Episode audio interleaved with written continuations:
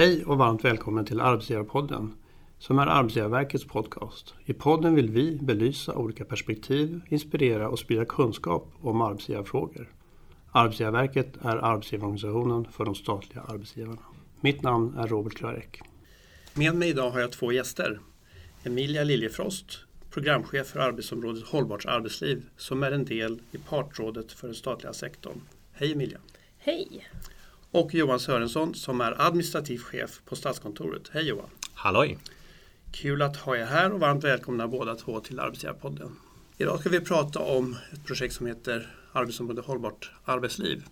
Och en bakgrund till det är att arbetsmiljöfrågor och arbetsmiljö inom staten den går upp och den går ner. Men 80 procent av de som jobbar i staten de är nöjda med sin arbetsmiljö. Men stress och ohälsa på arbetsplatsen har ökat i staten och allmänt på arbetsmarknaden. Och enligt Arbetsgivarverkets senaste arbetsmiljörapport så kan vi konstatera det. Och eh, varför då? Ja, det är att myndigheter har ju ett särskilt specifika uppdrag men verkar i en väldigt komplex miljö och högre grad av krav på produktivitet och effektivitet.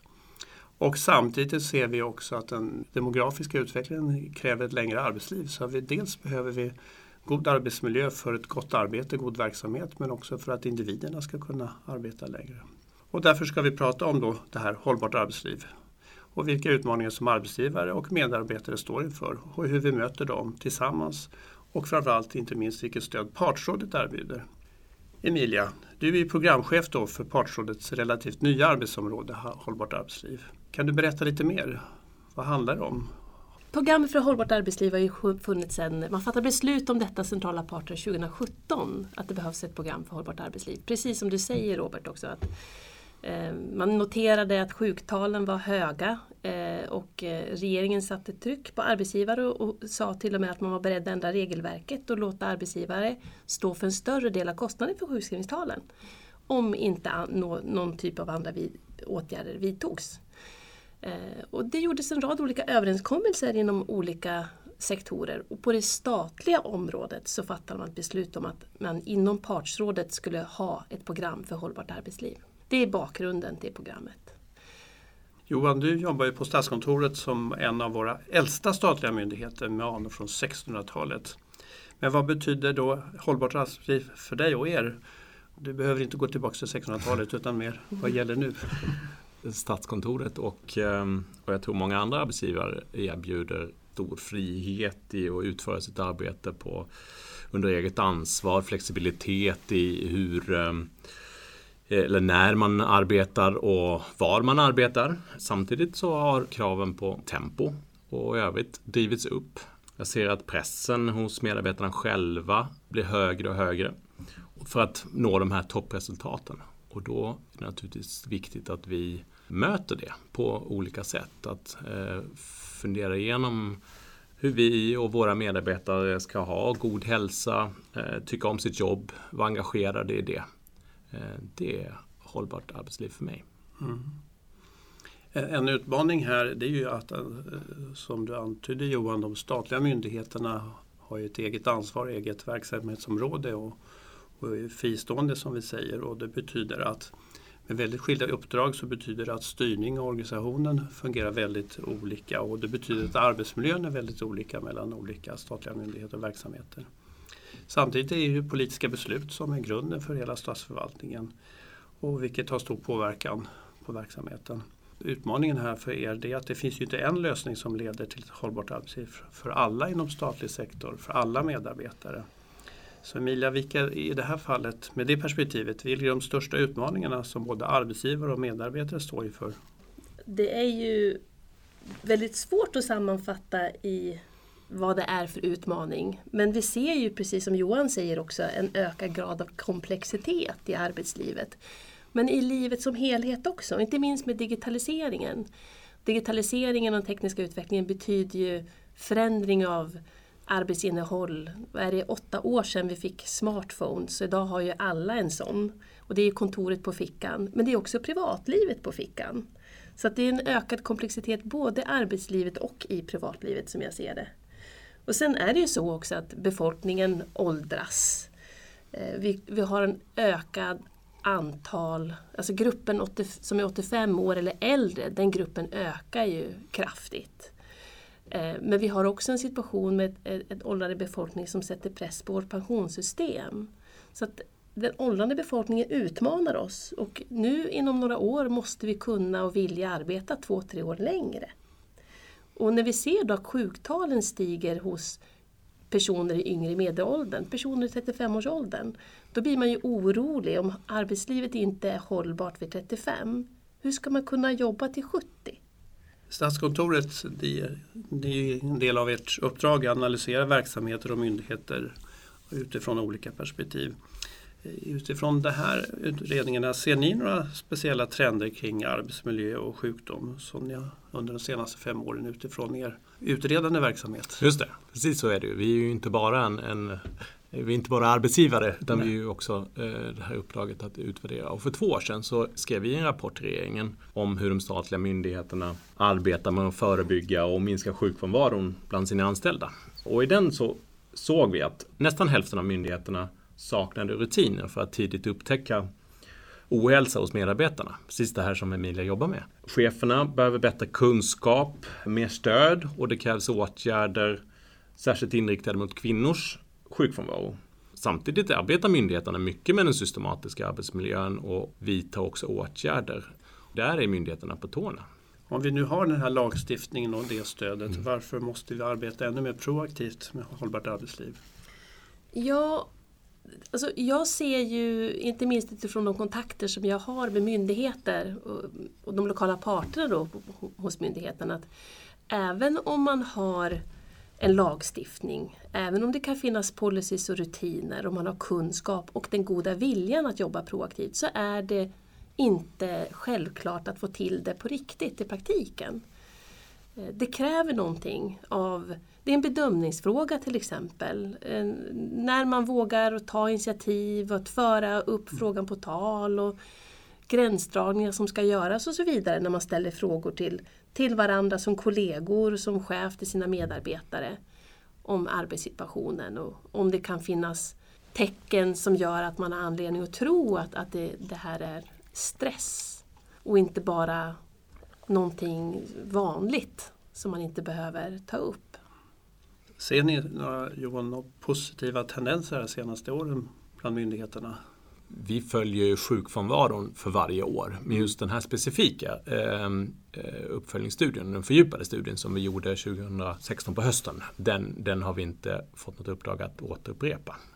Då är det action time Emilia. Mm. Vad är det Partsrådet kan stötta med? Berätta lite vad ni kan erbjuda och hur når man er ja. för att få stödet? Ja men absolut. Men vi jobbar ju med syftet att bidra till en bättre arbetsdag varje dag eh, för att skapa friska och engagerade arbetsplatser. Friska och engagerade arbetsplatser, det är våra två målområden.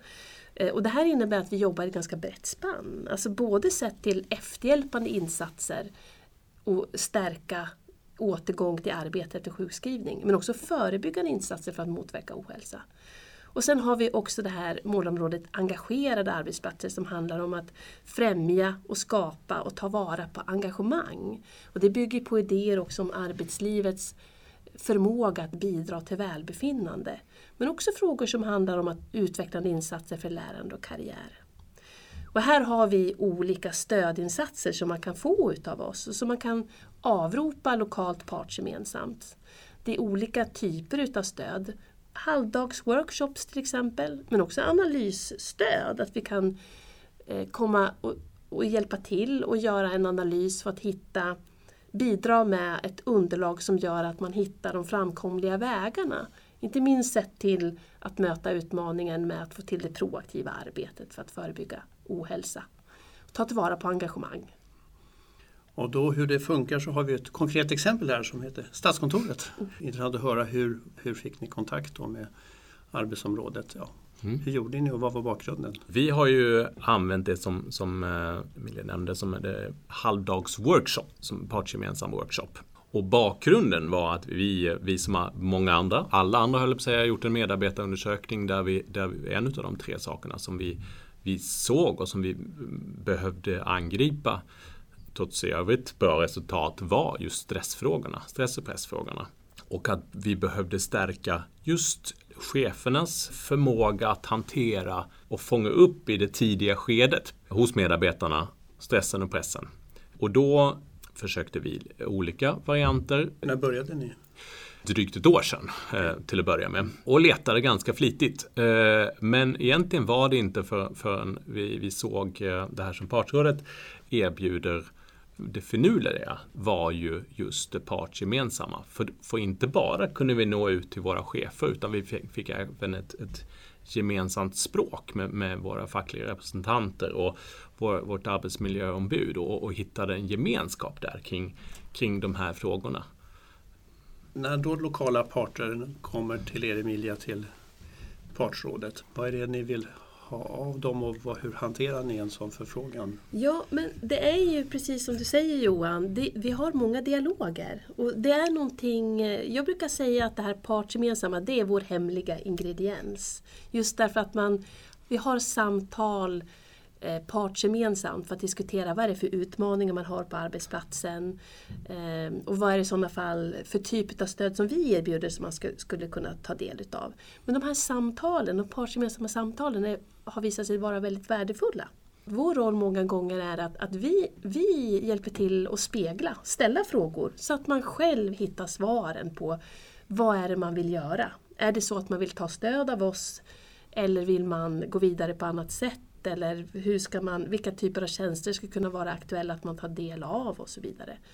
Så vi speglar, ställer frågor så att man själv hittar svaret på hur man vill gå vidare. Och där ser vi ju ett stort intresse för två områden när man kommer till oss och det är kanske främst det proaktiva arbetet. Att man vill omvandla den kunskap man har och policies man har till att verkligen få till det proaktiva förebyggande arbetet. Sen finns det också en stor efterfrågan till att utveckla arbetssätten. Vi har en tjänst som heter eh, eh, Effektiva team och där ser vi att Många är intresserade av att diskutera hur man kan bli bättre på att jobba i samverkan kollegor emellan kring olika arbetsområden. Så det är de två områdena som jag ser att man gärna vill diskutera just nu. Hur länge pågår ett projekt? Hur länge är ni involverade mot en myndighet? Det är ju ett antal förmöten där man har dialog om vad är det för någonting som gör att ni vill ta del av den här tjänsten och i sådana fall är det den här tjänsten som är den bästa. Och ett, sen är det ju genomförande som kan ta 3-4 timmar ungefär och så efterföljande samtal i workshopsen. När det gäller analystjänsten så är det en mycket mer omfattande stöd som man får av oss. När vi, jag vet att i, i, vi har gjort i ett fall ett 30-tal intervjuer på en och samma myndighet för att hjälpa till att ta fram det här underlaget då som man får partsgemensamt. Så det är lite olika beroende på tjänst. Mm. Även om det kan verka ganska kort de här 3-4 timmarna. För oss blev det ju verkligen ett startskott. Dels var det väldigt bra förberett eh, när vi väl kom till workshopen. Men jag tror att jag hade... Eh, Hur många var med på workshopen? Eh, vi var eh, hela ledningsgruppen, två representanter för varje fack eh, och arbetsmiljöombudet. Så att vi var ju drygt 10 personer. Och utifrån dem så har vi ju bildat en lite mindre grupp men fortfarande med, med samma representation eh, som nu jobbar vidare med de här frågorna. Det kan jag ju säga, det hade inte blivit någonting om det inte hade varit just så bra förberett. Det är väl något som jag skulle vilja slå ett slag för, att det var eh, skräddarsytt för oss. Men med tanke på bakgrunden och utmaningarna så, så rimligen för, för Statskontoret med ert perspektiv och hela statsförvaltningen så bör det här vara rätt centralt och viktigt för att få till en god statsförvaltning i Sverige och framtiden helt enkelt. Hur, Ser ni den bilden på Statskontoret för hela helheten av det här arbetet? Ja, först så vill jag ju säga att jag är rätt optimistisk kring det här. Jag tycker ju att, att det arbete som jag ser, inte minst kring eh, hela diskussionen om ett nytt, modernt, eh, tillitsbaserat ledarskap talar för att vi inte kommer att misslyckas i den här frågan.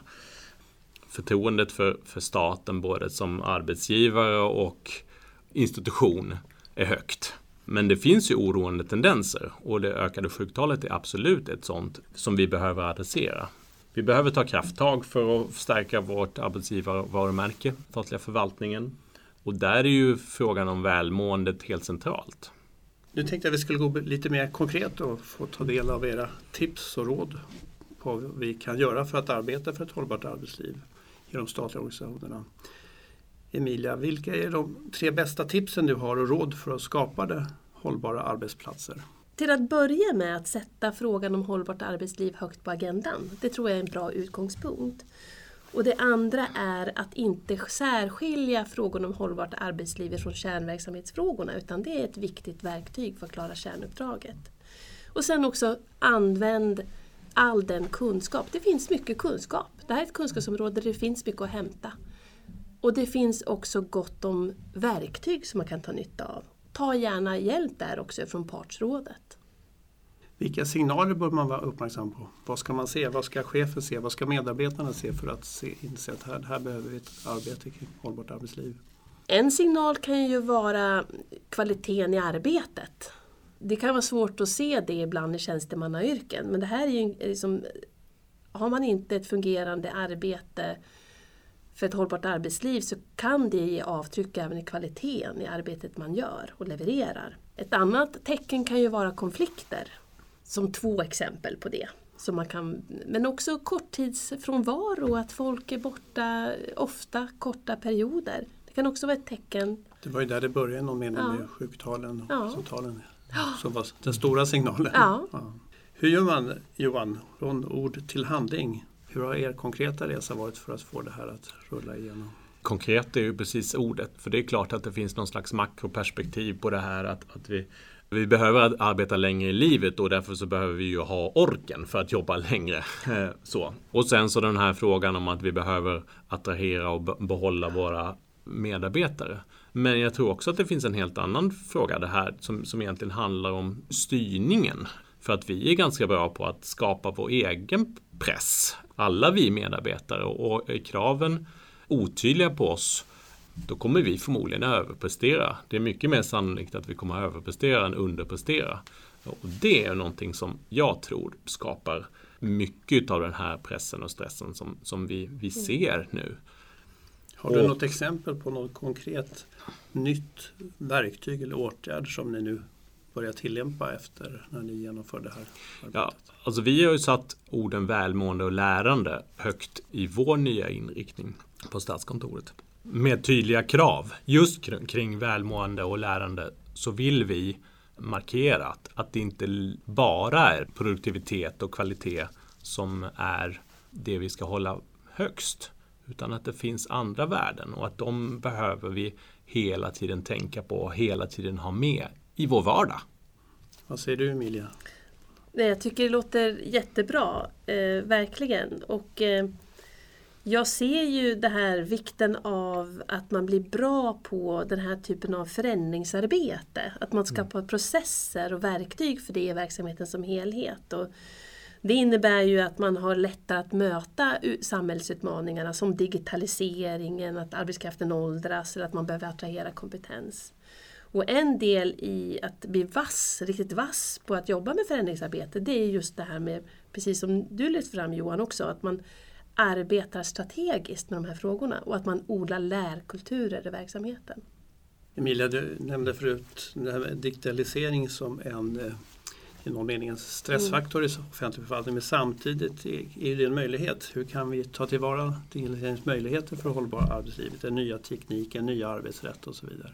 Jag, jag, jag, tror att en viktig faktor för att kunna ta tillvara på digitaliseringens möjligheter det är också att att organisera för att nyttja möjligheterna. Idag så har vi en tendens att placera teknikutveckling i en verksamhet i ett eget stuprör.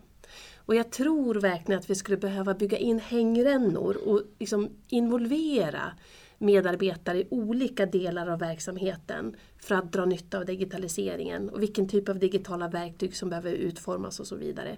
Det går inte att separera olika delar av verksamheten längre om man vill få ut de bästa möjligheterna som digitaliseringen erbjuder. Det borde bidra till välmående och lärande, eller hur Johan? Absolut. Ja. Jag tror också absolut på det här med, med, att vi måste se digitalisering som en enhet och någonting som inte är valbart. Och att bygga in mycket längre processer för att förbereda oss för att kunna göra de här vinsterna på lite sikt som vi ändå hoppas på med digitaliseringen. Om du vill vara visionär Johan, vad kommer vi att arbeta med i framtiden? Hur kommer vi att arbeta med de här frågorna i framtiden? Jag tycker att vi, vi, eh, vi redan har påbörjat en, en, stor resa. Det är inte mest gör bäst längre. Vi faktiskt pratar om mjuka värden på ett helt annat sätt idag. Vi pratar om trivsel och, och tillit och ledarskap och, och, att ha ork kvar till sin fritid på ett helt annat, annat sätt än vi gjorde när jag började i staten för 20 år sedan i alla fall. Men det är en lång resa kvar utan tvekan och att jag tror att, att det vi behöver bygga in i strukturerna att det inte bara är en, en mjukisfråga som, som ska läggas som ett filter på allt vi gör i övrigt. En central faktor som jag ser det är att myndigheterna behöver lära av varandra. Mm. Har ni ett sådant samarbete för, för att få till det så att kunskaperna sprids? Mm. Vi har ju vissa aktiviteter inom programmet som bygger på lärnätverk och eh, att man får chansen att dela med sig av erfarenheter till varandra. Och det är någonting som vi kommer att vidareutveckla. Vi ju, vår verksamhet är ju sin linda fortfarande, den är alldeles ny. Och en av de saker som medlemmarna har efterfrågat är ju möjligheter till, till utbyten och det ska vi naturligtvis försöka svara upp till. Det är möjligt att man kan göra det också med digitala verktyg sett till att vi har 240 myndigheter spridda över hela landet. Att vi skapar förutsättningar för utbyte där tekniken kan överbrygga de geografiska avstånden till exempel. För att kunna dela erfarenhet. Jag kan ju bara se utifrån från vår erfarenhet här hur mycket längre vi har kommit när vi har ett gemensamt språk internt. Mm. Eh, om vi skulle kunna få till det i en lite större forum bland fler myndigheter tror jag att det finns ännu större vinster att göra såklart. Mm. En sista fråga till dig Emilia. De som lyssnar på det här och blir naturligtvis väldigt intresserade av partsrådet och hållbart arbetslivsstöd. Hur ska de göra för att få kontakt med ja, er? Ja, först vill jag säga att man ska verkligen ta tillfället i akt. Det är en helt unik möjlighet att ta genom det partsgemensamma, att det är centralt förankrat mellan parterna och att, att det riktar sig mot lokala parter på arbetsplatsen. Så ta vara på tillfället och vill ni veta mer så är det ju alldeles utmärkt att börja med att gå in och titta på Partsrådets hemsida och läsa mer om tjänsterna. Och vill ni sen ha ännu mer information, ta kontakt. Vi försöker återkomma snabbt för att eh, påbörja en dialog om det här kan vara någonting för just den myndigheten som hör av sig. Det blir dags att avrunda. Vi har idag pratat om hur vi skapar ett hållbart arbetsliv och vilket stöd Partsrådet erbjuder och vi har också hört erfarenheter från Statskontoret. Innan jag släpper iväg er skulle jag vilja ställa en sista fråga till er båda. Nämligen, en sak du vill ta, att vi tar med oss, det kan vara något ni redan sagt eller vill förstärka ytterligare eller något helt nytt. Emilia, vi börjar med dig. En sak du vill att vi tar med oss? Jag vill nog lyfta fram det partsgemensamma. Alltså det, det är forskning och erfarenhet visar att när man jobbar partsgemensamt. Att när aktörer som äger en fråga gemensamt kommer fram till vad en utmaningen är och hur lösningen kan se ut, då har man så betydligt mycket bättre förutsättningar att verkligen åstadkomma förändring. Och Johan, vad säger du? Vad vill du att vi tar med oss? Stress och press påverkar alla på olika sätt och leder till olika konsekvenser. Det vi kan göra på en generell nivå, det är att lära oss lyssna ännu mer på våra medarbetare, prata om, om de här förväntningarna och begränsningarna som var och en har. Tack ska ni ha och tack till dig som lyssnat. Om du har några frågor eller förslag på ämnen som du vill att vi ska prata om i podden, hör gärna av dig till oss på arbetsgivarpodden snabel arbetsgivarverket.se. Mitt namn är Robert Craig. Vi hörs snart igen. Hej då! Hej då! Mm.